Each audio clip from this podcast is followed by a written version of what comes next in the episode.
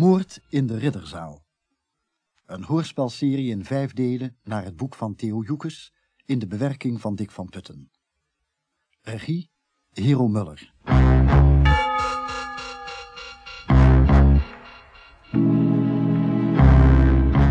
Vandaag het vijfde, tevens laatste deel, de ontknoping.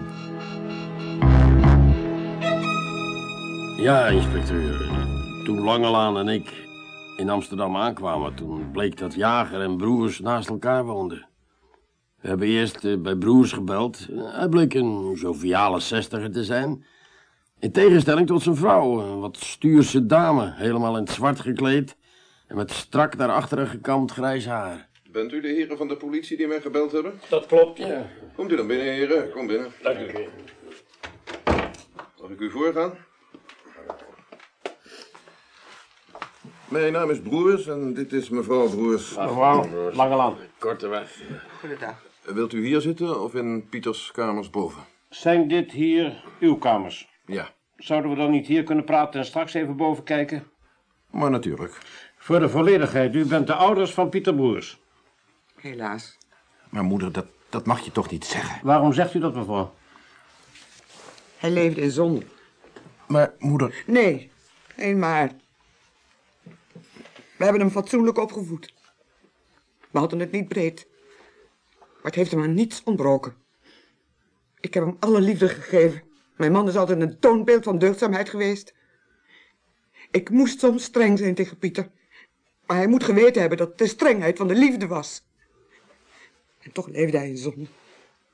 U bedoelt daarmee dat hij een vriendin had? Oh nee, ik mag niet zeggen was het maar waar. Het was niet waar. Je moet jezelf niet zo pijnigen, moeder. Hij hield toch van zijn werk en hij was toch onze lieve jongen. Maar wat eh, was die zonde dan? Ik wil er niet meer over praten. Heeft u zelf ook eh, politieke belangstelling?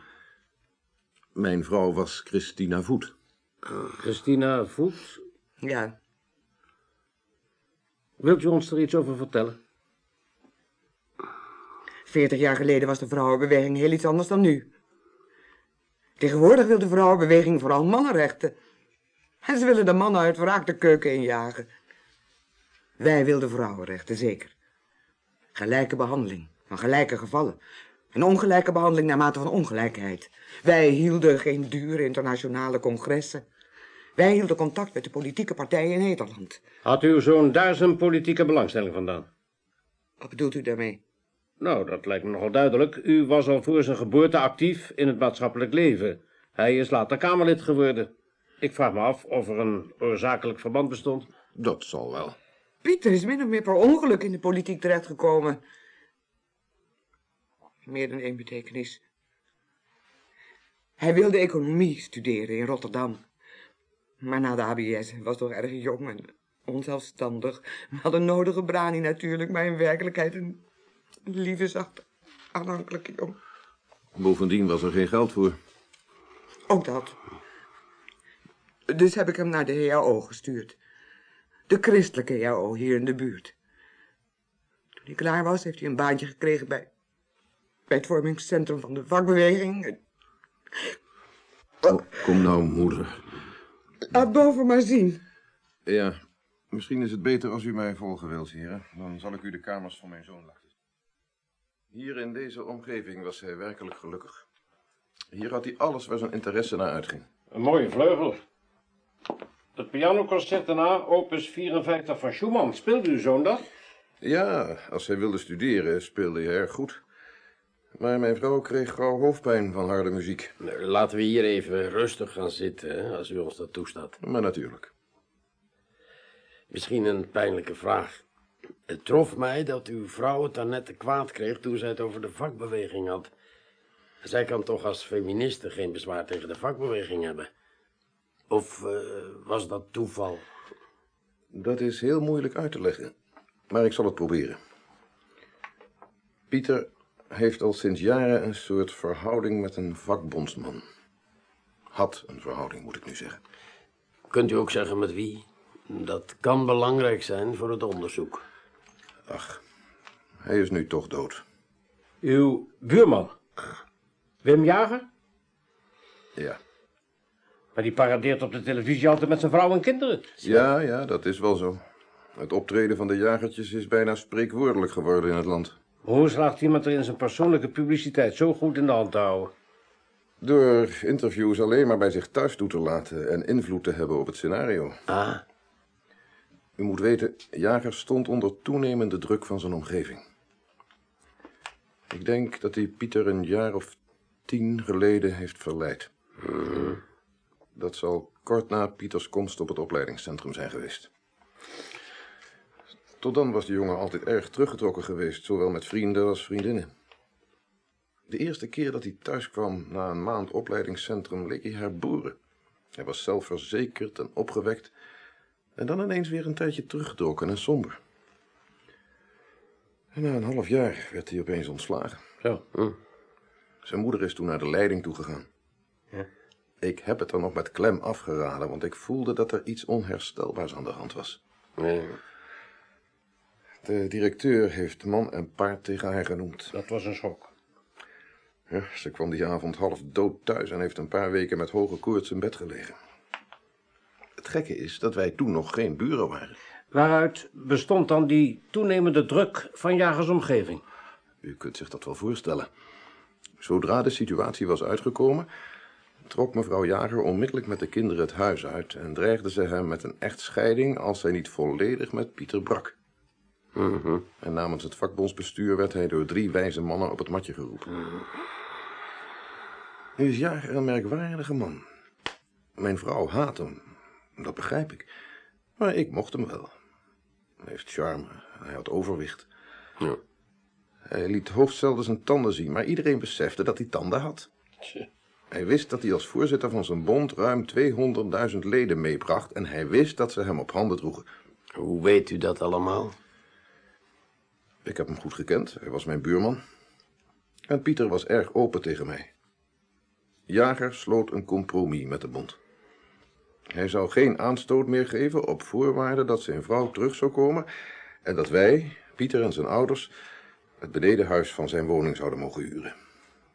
Het huis is eigendom van de bond. Ja, ja.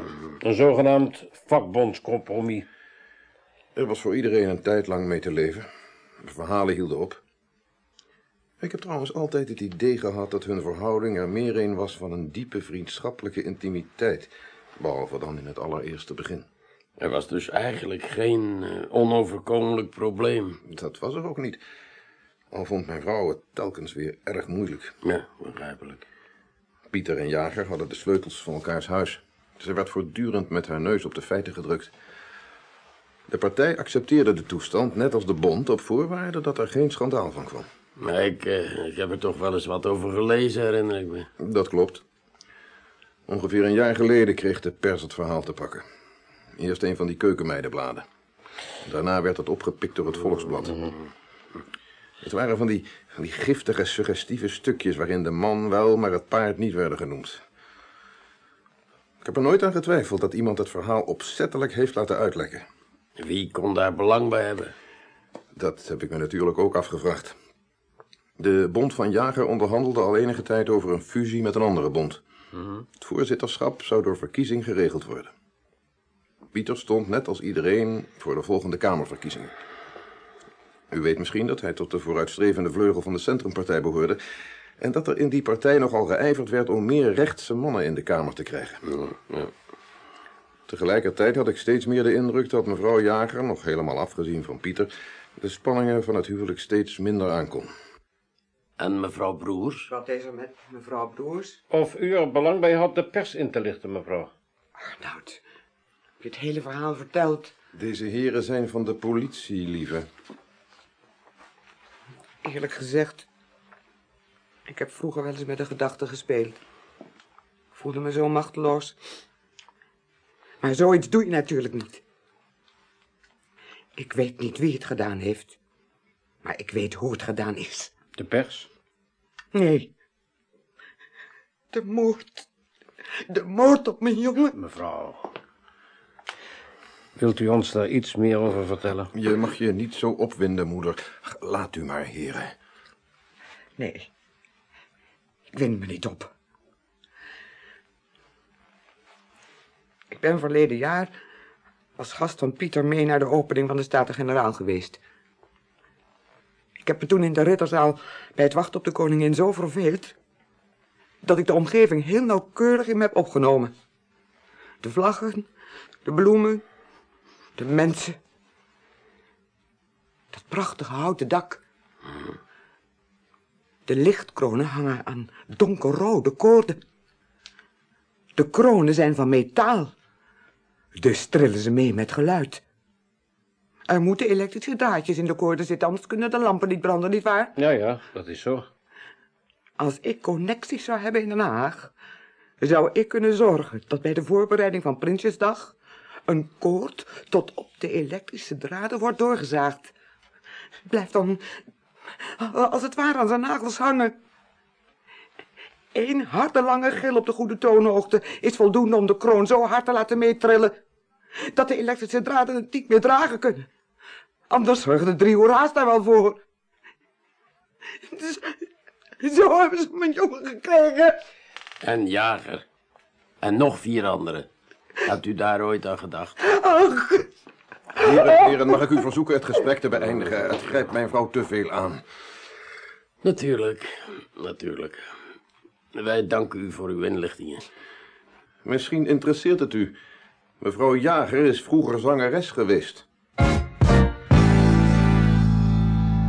We zeiden al dat Jager en Broers naast elkaar woonden.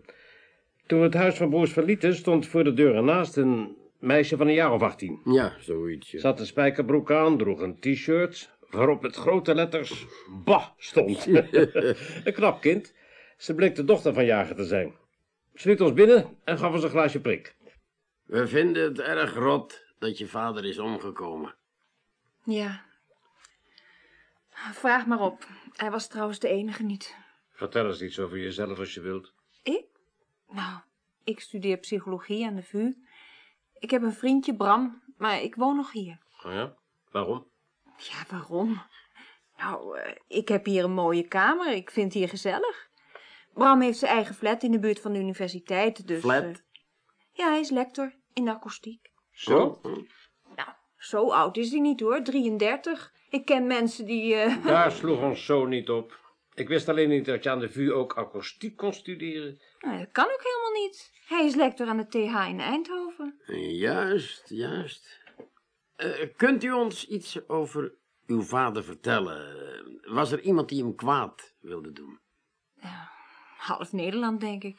U hebt hem vast wel eens voor de televisie gezien. Jazeker. Nou, dan, eh, dan weten we wel dat hij altijd precies zei waar het op stond. Mhm. Dat deed hij trouwens thuis ook, hoor. Ja, mijn moeder die heeft veel meer de neiging de dingen wat eh, artistiek in te pakken. U weet dat de mensen over het algemeen weinig willen horen. En één ding helemaal niet, de waarheid. Precies. Vader was helemaal niet zo radicaal. Ik vond hem zelfs nogal conservatief. Maar hij wist precies wat hij wilde. En dat zei hij dan ook, recht voor zijn raap. Maar dat is geen reden tot moord. Nou, moeder gelooft dan ook niet dat hij vermoord is. En jij? Ik vind het best jij genoemd te worden, maar noem me dan ook Sandra. Goed hoor, Sandra. Nou, ehm, ik kan me niet indenken dat iemand mijn vader zou willen vermoorden. Echt niet. Hij kon dwars en kloterig zijn, maar... Ach, laat maar. Bovendien was hij de enige niet. Dat heb je al eerder gezegd. Nou, daarom.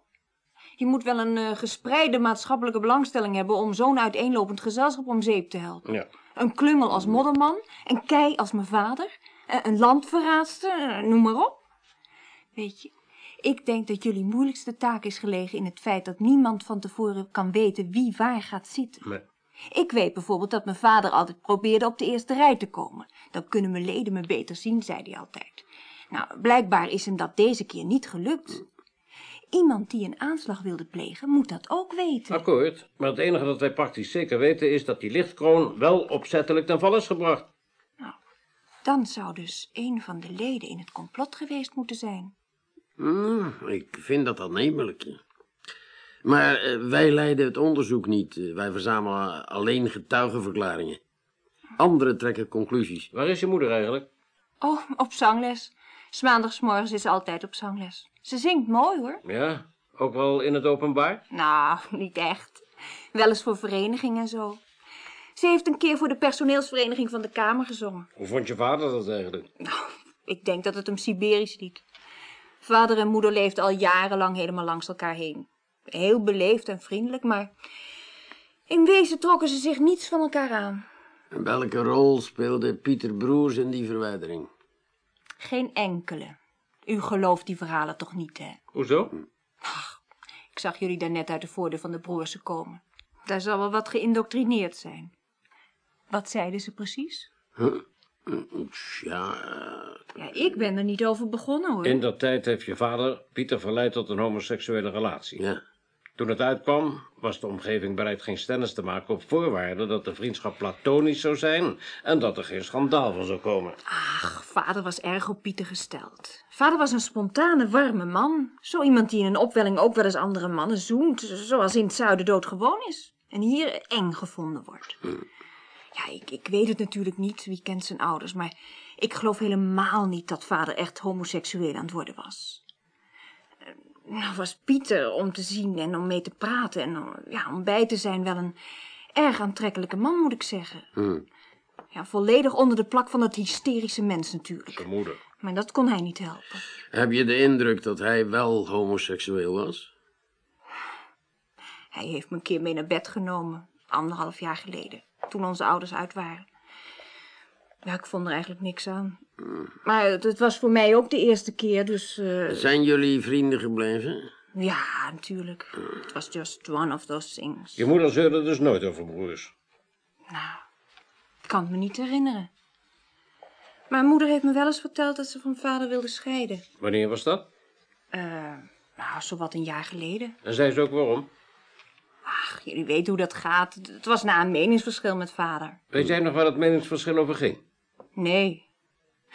Oh, wacht even, ja, ja. Ze wilde nooit naar de opening in de ridderzaal. Ja, hij troonde er meestal toch mee. Hij zei dan altijd zoiets als trui, het spijt me, maar je moet toch mee. Een jager zonder wild, daar hebben de mensen niks aan. Nou, en eh, dan kneep hij in de billen en dan ging zij een beetje tegenstribbelend lachen. En dan kreeg hij zijn zin. Dat klinkt niet naar een ongelukkig huwelijk. Nou, dat heb ik toch ook niet gezegd, dat het ongelukkig was? Ik heb bedoeld te zeggen dat het, eh, nou ja, geen huwelijk meer was. Dat hoeft toch geen reden te zijn tot echtscheiden? Ze zijn er nog niet gescheiden, hè?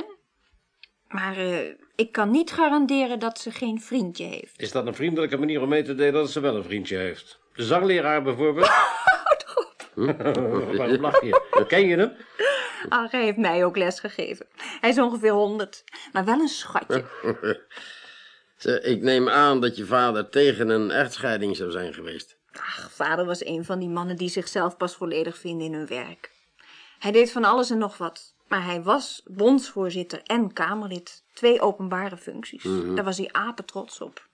Nou, en met reden. Voor een zoon van een Drentse turfsteker. Nou, en eh, een vakbondsbestuurder die heeft een vrouw. En een Kamerlid heeft een vrouw. Nou, en zo simpel was dat, denk ik. Denk jij er ook zo over? Ja, ik ben 19. Hij was 57. Ik studeer en hij is naar de lagere school gaan werken. Ik leef in 81. En eh, hij was 19 toen de Duitsers hier zaten. Hij kon wel een dwarse kop hebben. Of liever, hij was zo conventioneel als alleen een vakbondsleider kan zijn. Vertel het maar, Sandra. Geeft nou niet meer. Maar hij had ook een idee dat meisjes van onze stand, is dat niet kostelijk onze stand, 21 moeten zijn om te trouwen. Ik heb hem notabene het burgerlijk wetboek laten zien. Maar dan zei hij, wetten zijn voor noodgevallen. Ik wil best samenwonen, maar dat wil Bram weer niet. Dat vindt hij nou weer beneden onze stand. Maar ja, op een andere manier dan. Heb je daar ooit eh, ruzie met je vader over gehad? Ach, natuurlijk. Schreeuwen, tranen. Een paar keer weggelopen. Maar daarmee ben ik nog geen verdachte. Dat maken wij uit. Maar je praat niet over je vader alsof je hem naar het leven stond, nee. Als er niks meer is, dan... Ik heb over een half uur college. Wanneer komt je moeder thuis? Oh, ze gaat bijna altijd naar de les de stad in. Zal ik haar vragen te bellen? Hm, Dat lijkt me voorlopig niet nodig. nee. Is je moeder dit jaar eigenlijk wel mee geweest naar de Ritterzaal? Ehm, nou, dat was nogal een drama. Ja? Een week van tevoren zei ze dat ze niet ging. Ja, vooral om te pesten, denk ik. En is er toen gebeurd?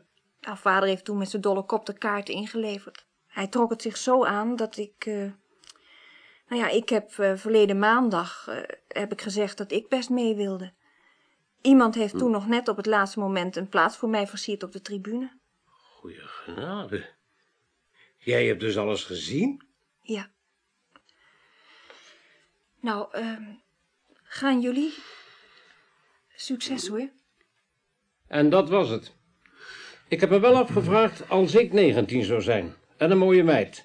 Praat ik dan zo analytisch over mijn vermoorde vader als ik er gedorie bij ben geweest? Eh, lector in de akoestiek, hè? Hoe zei dat zingende meisje dat die Bram heette? Dat zei ze niet. Maar hij is natuurlijk te vinden. De aanwezigheid van het meisje in de ridderzaal. Dat zou natuurlijk die gil op de tribune verklaren. Maar alleen in de veronderstelling dat juffrouw Jager zowel de vader als de vriend Broes om zeep wilde brengen. Ach, daar is toch geen kwestie van. Misschien heeft mevrouw Jager of zelfs juffrouw Jager een zo machtige stem dat ze een wijnglas kan laten springen. Maar daar is een aangehouden toon voor nodig en geen gil. Je moet je eens voorstellen dat de metalen hoepel met een paar meter doorsnee in resonantie moet worden gebracht. Daar is een la deutecom voor nodig. Het is leuk bedacht van die mevrouw Broers, alleen het werkt niet. Goed, we hebben nou de achtergronden van alle slachtoffers belicht. Uitgezonderd dan van eh Helene Verbunt Heinsius. Maar ik kan me ook nauwelijks indenken dat ze voor ons nog interessant kan zijn. Ik ben geneigd dat te beamen. Ja, het is toch niet... We zullen nu tot een afronding moeten Ja. komen. Nog even, nog even als het mag, president. Ik zou eerst nog graag één gesprek willen voeren. Met wie? Met Harmen het Hoen, de parlementaire redacteur van de Standaard. Ja, wat denk je daarmee te bereiken, mijn kind? Misschien niets. Maar op enkele uitlatingen die hij die middag heeft gedaan... zou ik wat dieper willen ingaan. Noem het eh, intuïtie. Goed, maar dan wel zo vlug mogelijk, hè? Ik zal hem meteen bellen voor een afspraak.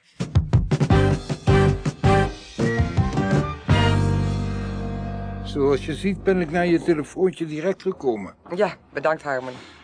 Maar waarom deze wonderlijke plaats? Op de tribune in de ridderzaal.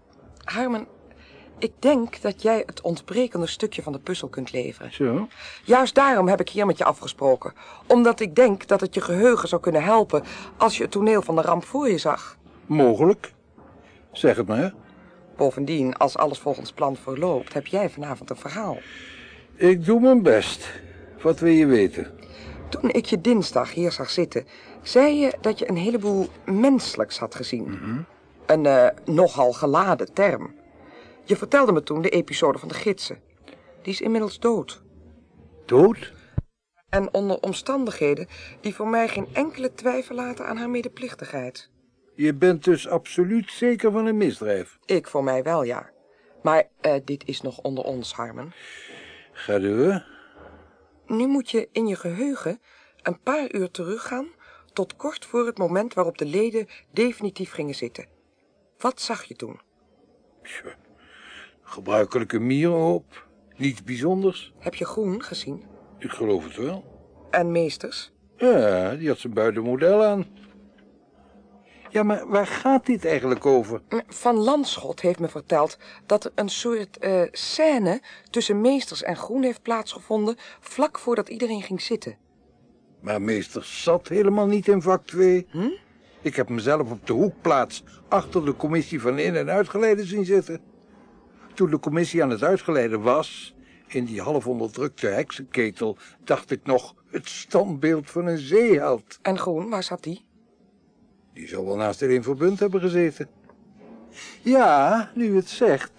Hij zat aan de gangpadkant naast Helene, dus aan haar linkerhand. Zodat de kroon hem net miste. Ja, ze hadden een minuut van tevoren van plaats gewisseld. Misschien omdat zij zo klein is, zo, zo klein was, dat ze niet goed kon zien. Ja, dat weet ik niet. Ik weet wel dat hij daar zat, want zodra de kroon gevallen was, dook hij eronder. Zeker in een poging om haar te redden. Maar ze was op slag dood. Ja, dat kon hij niet weten. Mensing kwam trouwens ook op dat punt helpen. Liep hij dezelfde rij in? Ja, op het ogenblik dat Jurgen onder de kroon zat. Juist. Nog één ding. Van Groen, zei je daarnet, die zal wel naast Helene Verbund hebben gezeten. Dat was een suggestieve opmerking.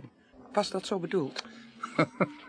Lieve Elisabeth, als griffier hoor je niet alleen de stand van alle wetsontwerpen te kennen, maar ook de chroniek scandaleus van al je leden. Natuurlijk ken ik die schandalen. Je moet ze kunnen beschermen tegen indiscrete verslaggevers. Nou, vooruit. Meesters en groen. En Helene Verbund. Binnen een week nadat Helene hier binnenkwam, in het voorjaar van 1978, waren zij en meesters onafscheidelijk. Ze probeerden in het gebouw niet te veel aandacht op zich te vestigen, maar ja, Haag is een dorp, zoals je weet. Ze werden samen in de stad gezien, in winkels, in restaurants. Ik heb me laten vertellen dat ze soms in de fractievergadering hun ogen niet van elkaar af konden houden. Wat leeftijd betreft had hij jouw vader kunnen zijn. Oh ja, gemakkelijk. Maar ik betwijfel of het haar voornamelijk om de persoon te doen was. Wat dan? Helene was een erg eerzuchtig meisje. In ieder geval had zij meer ambitie dan talent. Ik heb wel eens gedacht dat zij eigenlijk beter thuis was geweest op het toneel. Maar ja, voor een mooie jonge vrouw is een carrière in de politiek waarschijnlijk gemakkelijker. Ging Bill Meesters te vervelen? Ik weet niet of Meesters haar ooit werkelijk geboeid heeft.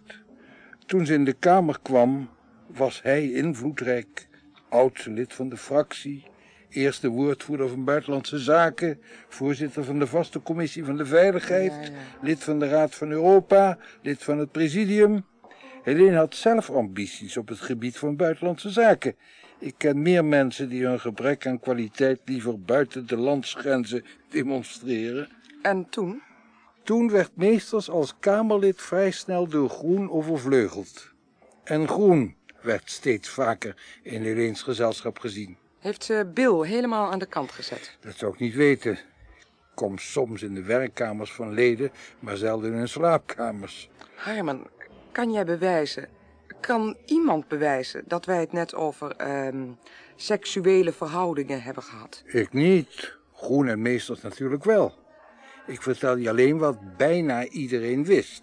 Geen bewijzen. Maar wel wat ze bij de rechtbank, geloof ik, aanwijzingen noemen. Dank je, Harman. Dit gesprek heeft, dacht ik, toch wel nut gehad.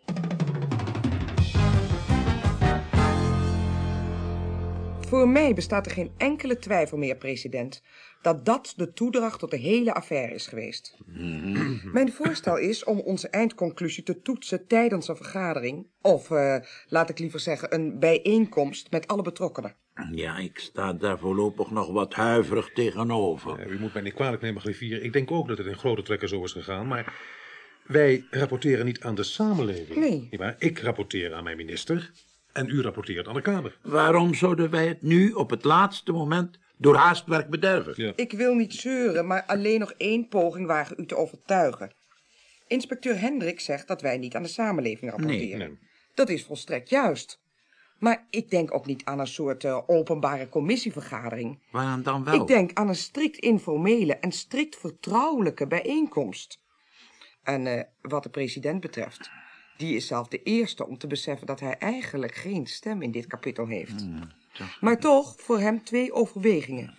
Als hij zegt niet op het laatste moment bederven, dan geeft hij daarmee te kennen dat hij de zaak als praktisch opgelost beschouwt en dat hij voor de conclusie alleen een andere vorm en een ander moment verkiest. Ja. Tweede overweging. Vanmorgen hebt u nog gezegd, president, dat wij alle drie het onderzoek voor de opening willen voltooien. ja, maar dat wij het juist daarom niet moesten overhaasten. Maar de getuigenverklaringen die we sindsdien hebben gekregen van Ellen, van de heer, van Wijtema over het Bankerplein en vooral van Van het Hoen, ze wijzen allemaal in dezelfde richting. is ik, juist. ja, ik geloof wel dat juffrouw Brederode inhoudelijk gelijk heeft. Maar kijk, ik sta voor de moeilijkheid dat ik bij alle aanwijzingen die we inderdaad hebben, moeilijk bij mijn minister aan kan komen met zo weinig bewijzen. Maar we maken toch geen dagvaarding? dan moet het toch bewijzen zijn? Ja, maar ons is gevraagd een onderzoek in te stellen naar de gebeurtenis in de ridderzaal en daarover verslag uit te brengen aan de minister van Justitie en de voorzitters van de beide kamers der Staten-Generaal. Dat is juist, ja. Een zekere mate van sofisme lijkt mij aan die benadering niet vreemd. Ja, we hebben dan net vastgesteld dat we het onderling eens waren over het middel, het motief en de daders. Ik vind dat de onmiddellijke betrokkenen er recht op hebben zo snel mogelijk te weten wat er gebeurd is. Blijft de moeilijkheid dat wij niet aan hen dienen te rapporteren, maar aan de minister Ministers, en ja. de Kamervoorzitter? Wanneer dat als een reëel bezwaar zou moeten gelden, president, dan wil ik wel opmerken dat meneer Hendricks en ik van het begin af iedere dag aan een van de Kamervoorzitters hebben gerapporteerd. Ja, ja, zo, Maar hangt het niet sterk van de aard van zo'n bijeenkomst af? We dagvaarden de mensen inderdaad niet. We vragen gewoon of wij onze voorlopige bevindingen nog eens mogen toetsen aan hun ervaringen en opvattingen. Ah, ja, ja, ja, dat zou ook nog wel eens nuttig kunnen zijn. Maar we moeten wel heel omzichtig te werk gaan. Tuurlijk. Aannemende dat ik erbij zou mogen zijn. Ja, nou niet flauw doen, president. Goed, een bijeenkomst dus, een bijeenkomst. Eh, Wie moet daar deel van uitmaken? Nou, eh, Zeker Theoda. ja, hè, Met zijn natuurlijk. fractiegenoten Meesters en Groen.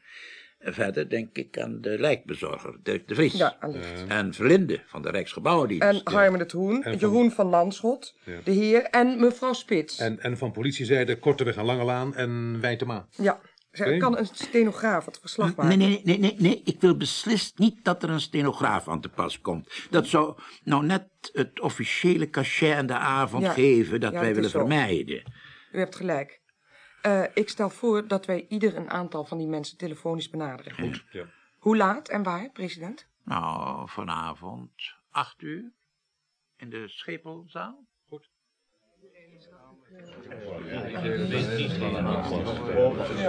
Stilte alstublieft.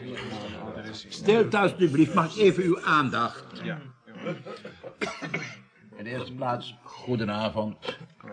U bent allen van harte welkom. De griffier en inspecteur Hendricks van de Rijksrecherche, die het onderzoek leiden, zijn u bijzonder erkentelijk dat u op zo korte termijn hier hebt willen komen voor deze bijeenkomst. Ik moet u iets zeggen over het karakter van deze bijeenkomst. Dit is in geen enkel opzicht een vergadering. De inspecteur en de griffier, uiterst deskundig en ijverig bijgestaan door enige politiemensen en ook nog een paar andere mensen, hebben vandaag voorlopige conclusies bereikt. Ze willen die graag voor ze hun officiële rapport uitbrengen aan uw standpunten, ervaringen en opvattingen toetsen. Daar kan een zekere discussie uit voortvloeien. En de behoefte om te interrumperen kan ontstaan. De rivier en de inspecteur hebben mij daarom verzocht als iemand die wel meer heeft voorgezeten om deze bijeenkomst te leiden. Mijn rol ten aanzien van het onderzoek en dit gesprek is dus zuiver een passieve. We hebben afgesproken dat mevrouw Brederode het woord zal doen en dat inspecteur Hendricks haar waar nodig zal aanvullen. Het woord is nu aan mevrouw Brederode. Meneer de voorzitter, mag ik een opmerking maken over de orde? Mm, Dat hangt er vanaf, meneer De Haan. Probeert u het maar. Meneer de voorzitter, mag ik met alle respect voor de betrokken persoon vragen waarom de pers hier aanwezig is? En een oud lid van deze Kamer. Meneer De Haan, een ogenblik. Stilte, alstublieft. Meneer het Hoen is hier niet in zijn hoedanigheid van verslaggever, maar als een van onze belangrijkste getuigen. De heer Dirk de Vries is hier ook in die hoedanigheid. Beiden hebben uitdrukkelijk toegezegd deze bijeenkomst als vertrouwelijk te zullen beschouwen, net als u zelf en alle aanwezigen trouwens. Gaat u uw gang, juffrouw President? Dank u. Op dinsdag 16 september, Prinsjesdag, stond van ongeveer 12 uur af in kamer 242 op de tweede verdieping van Binnenhof 4 op een statief een filmcamera opgesteld die geen camera was, maar een draagbaar laserkanon. U, ja, u zult weten dat met laserstralen op afstand licht kan worden veroorzaakt. Of grote hitte, of beide. Kamer 242 ligt op de hoek van het gebouw. Het raam ligt precies tegenover de derde koekoek, gerekend vanaf de hoofdingang, in het dak van de ridderzaal. Het koord van de lichtkoon, die daar vrij dicht achter hangt, is vanuit die kamer goed te zien. Zeker wanneer in de ridderzaal televisielampen branden. Aan de camera bleek een scherpschuttersvizier bevestigd te zijn. Zodoende kon zeer nauwkeurig worden gericht. En het risico zoveel mogelijk worden vermeden dat het houten dak aan de overkant van de zaal in brand geschoten zou worden.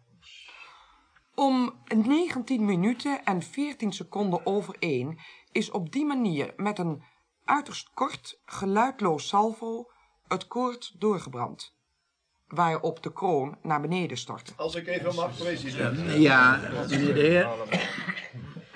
We moeten dan natuurlijk wel gaten in dat raam van die kamer en van de ridderzaal gezeten Ja, hebben. eh, eh, voorzitter, als u mij toestaat, een ogenblik. Ja, gaat u gang. Dan, ja, dan zal ik u het bewijs daarvan tonen. Hier, als u het kunt zien, een wit ruitje met een rond gat. Nou, en? En hier een gekleurd ruitje met een langwerpig Ja, gat. nou, nou, wat zegt dat nou? Nou, heel, heel veel, heel veel.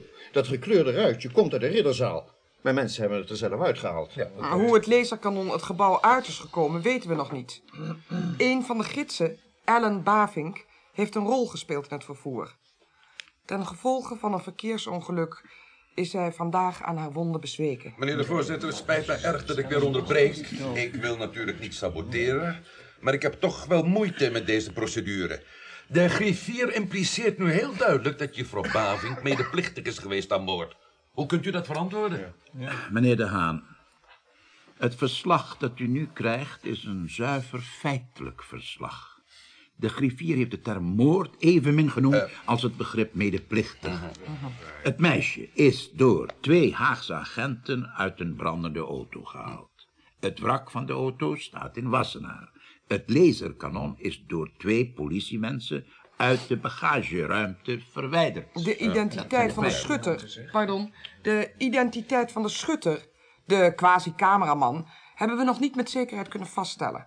Maar we hebben verschillende aanwijzingen dat hij voor een vreemde mogendheid werkt, waarschijnlijk een andere nationaliteit dan de Nederlandse bezit, en dat hij ons land gisterochtend heeft verlaten. Eh, Geen interrupties, alsjeblieft, zonder dat u het woord heeft gekregen. Kan ik verder? Ja, gaat u gang. Eh, de lichtkroon stortte neer op het voorste gedeelte van vak 2. Vier leden werden onmiddellijk gedood. Twee anderen overleden kort daarna in het ziekenhuis. Op eh, de rol van het zevende slachtoffer, het hoofd van de bis, ga ik straks nader in. Het achtste slachtoffer was een jonge vrouw van de huishoudelijke dienst. In de afgelopen week hebben wij gesproken met de nabestaanden van op één na alle omgekomen leden. Uiteraard om na te gaan of er enige aanduiding was dat iemand ze naar het leven stond. Op één na al die gesprekken zijn gevoerd door twee assistenten van inspecteur Hendricks. De rechercheurs Lange Laan en Korteweg. Ze zijn hier aanwezig en ik wil ze hierbij hulde brengen voor hun snelle en grondige werk. Ja, zeer terecht. Zij hebben ons verslag uitgebracht. En daaruit de conclusie getrokken dat er in vrijwel al die gevallen wel iemand was die één of meer van de omgekomenen naar het leven stond. En soms zelfs de middelen bezat om hen op deze manier om te brengen. Maar tenslotte paste ze toch niet in het patroon dat zich aan het ontwikkelen was. Ja, tot, tot dusver heb ik alleen... Pardon, mag ik even verder? Ja, tot dusver heb ik alleen gesproken met het vermoeden van een misdrijf als uitgangspunt. Dat komt omdat wij er niet meer aan twijfelen dat er een misdrijf, een, moordaanslag, heeft plaatsgevonden. Voorzitter, neem me niet kwalijk, ik begrijp iets niet. Eh, het, eh, een ogenblik stilte, alstublieft. Het woord is nu aan de heer Groen. Volgens het onderzoek is er een moordaanslag geweest. Hm? Maar geen van de mensen die omgekomen zijn valt, eh, valt in de termen als slachtoffer van die aanslag. Ja, maar dat is ook waarschijnlijk onze grootste moeilijkheid geweest. Als de heer Groen nog een tijdje geduld wil hebben, dan zal hij horen op wie de aanslag gemunt was. Ik, pardon, Stilte, stilte. ik kom nu tot het moeilijkste deel van ons verhaal. Moeilijk, omdat de verdenking weliswaar overweldigend sterk is, maar de bewijsvoering nog niet helemaal compleet. Dan mag u het hier ook niet brengen. Meneer De Haan, meneer De Haan, ik doe een beroep op u. Stilte, ik eens. Ik begrijp heel goed dat de heer De Haan strikt juridisch denkt. Dat siert hem. Maar ik moet zeggen, de onderzoekers zijn volstrekt zeker van hun zaak. Ze hebben meer dan voldoende aanwijzingen, maar ze beseffen dat het bewijs nog onvolledig is. En ze hopen dat dit gezelschap hun kan helpen. Overigens is iedereen vrij te blijven of te gaan. Wij zijn dus hier alleen ontboden om te helpen iemand erin te laten Wat is luisteren. dat nou voor terminologie, meneer? Stilte, Stilte, alstublieft. Ja, kan ik verder? Ja, gaat u gang, juffrouw Brederode. Dank u. Dan keer ik nu terug naar de rol van Jan Mensink, het hoofd van de BIS. Ik was uiteraard dinsdag ook in de ridderzaal. En het trof mij dat Mensink als het ware klaar stond om naar de plaats des onheils te rennen. Waardoor hij daar dan ook sneller arriveerde dan iemand anders. U weet dat hij uitgleed of struikelde en met zijn slaap tegen de kroon sloeg en zo omkwam. Maar wat u waarschijnlijk niet weet, is dat hij een glasscherf met een dodelijk vergif in zijn zak had. Waarmee hij zich in zijn val zelf verwondde. Maar nee, maar hoe komt u aan dat indianenverhaal? Ja, het is inderdaad een indianenverhaal. De snee van de scherf is in zijn broekzak aangetroffen met een bloedvlek. Maar dat is toch... Meneer de Haan, meneer de Haan, alstublieft, stilte. Ik bevestig de uiteenzetting van de griffier woord voor woord. Juffrouw Brederode? Omdat ik van het schafot af scherp op hem lette, zag ik hoe hij in het moment voor zijn dood iets glinsterends weggooide. Dankzij de oplettendheid van mevrouw Spits en de andere schoonmaaksters werd de scherf gevonden. Een van de dames, Jantien Smulders, 19 jaar oud, heeft zelfs haar ijver met de dood moeten betalen doordat zij zich sneed aan de punt van dezelfde scherf. Wettig en overtuigend bewijs. Dat volgt. Inspecteur? Ja, dank u wel. Ehm, hier in mijn hand heb ik de scherf. U ziet dat de punt van die scherf bruin gevlekt is. We hebben die vlek chemisch laten analyseren in Delft. Het bleek oerali te zijn. Wat? Wat is dat? Ja, oerali is een eh, vorm van curare, een zwaar vergif zoals u weet, dat bij sommige indianenstammen in Suriname in gebruik is. Vandaar dat de heer De Haan groot gelijk had toen hij dit een indianenverhaal noemde.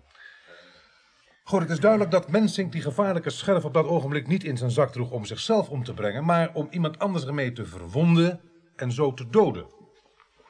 Maar waarom een scherf? Dat wilde ik net vragen. Goed, het antwoord is simpel voor iedereen die weet dat Mensink bij de opstelling van het laserkanon betrokken was geweest. Voorzitter, dat hou ik tegen. Ik ben die hele ochtend bij hem in de buurt geweest. Meneer, u heeft het woord niet. Stilte, alstublieft. Pardon, dat is Mevrouw dan... Brederode heeft het woord. Dat is dan uw woord tegen dat van de heer Van Waveren, die in de desbetreffende kamer aanwezig was toen de cameraman, dus de laserschutter en Mensink daar samen binnenkwamen. Met andere woorden, Mensink wist wat er met de kroon zou gebeuren. Hij wist dat door de val een aantal lampjes zouden breken en dat de vloer en de stoelen vol glasscherven zouden liggen. Wie een speld wil verstoppen, doet dat niet in een hooiberg, maar in een speldenfabriek. In de verwarring van het ogenblik wilde hij zijn slachtoffer met zijn scherf verwonden. Een klein sneetje was genoeg. En vervolgens het glas rustig op de grond laten vallen. Zo nodig kon hij zijn hak erop zetten. We weten nu dat het anders is gegaan. En dat hij als het ware tweevoudig werd gedood. Door met zijn slaap tegen het metaal van de kroon te vallen. En tegelijkertijd zichzelf door zijn broekzak heen dodelijk in zijn dij te verwonden.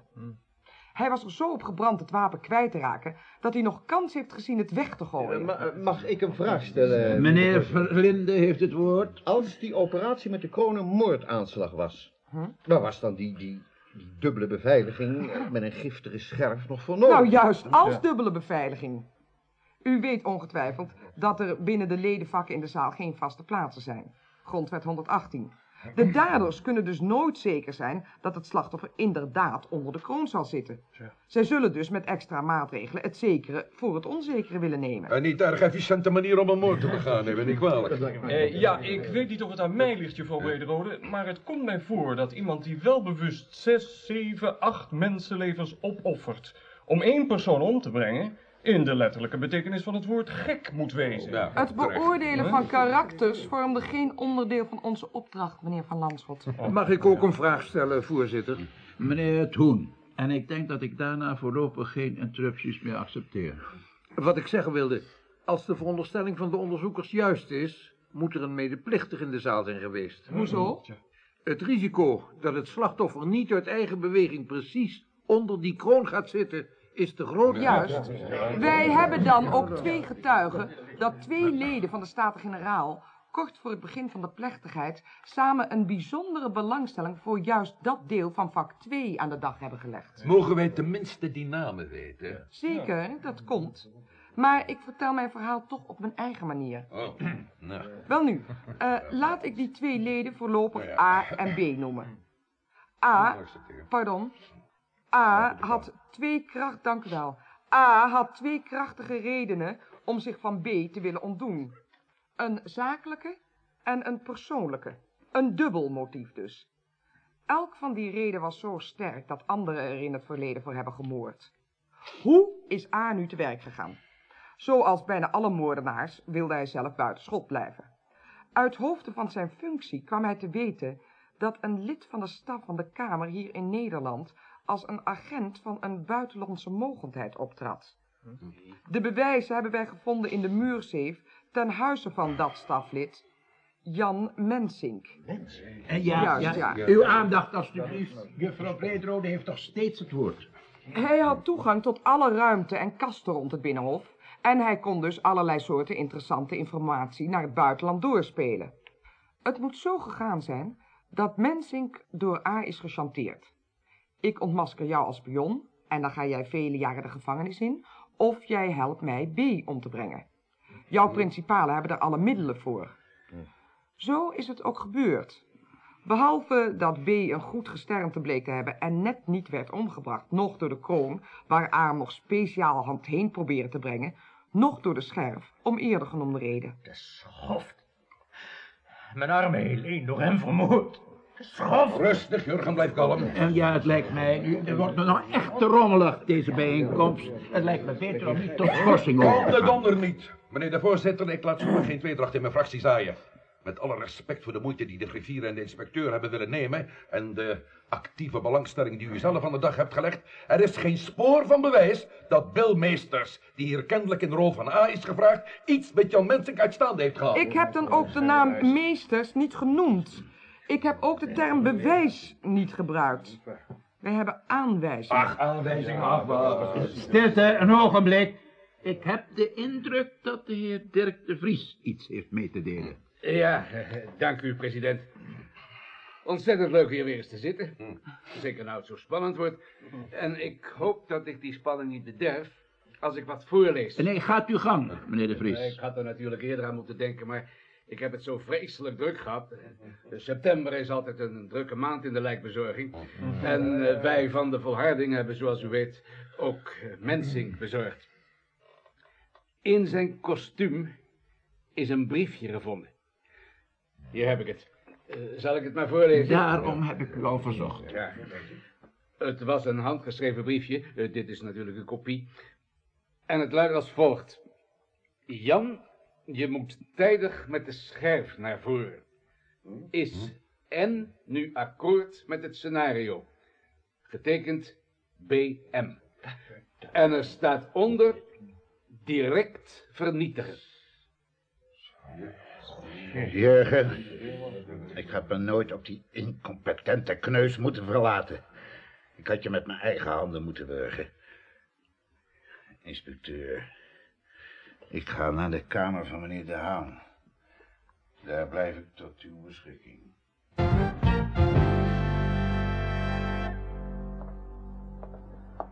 We zijn er bijna. Welk nummer was het ook alweer? Nog vier deuren. Hebben we nou alles geregeld om de zaak eh, af te werken? Volgens mij wel. Neem me niet kwalijk, ik vraag u niet binnen. Ik ben doodop. Hm. Nou, eh, wel te rusten, griffier. Wel te rusten, inspecteur. Dag, Elisabeth. Dag. Kom. Slaap lekker.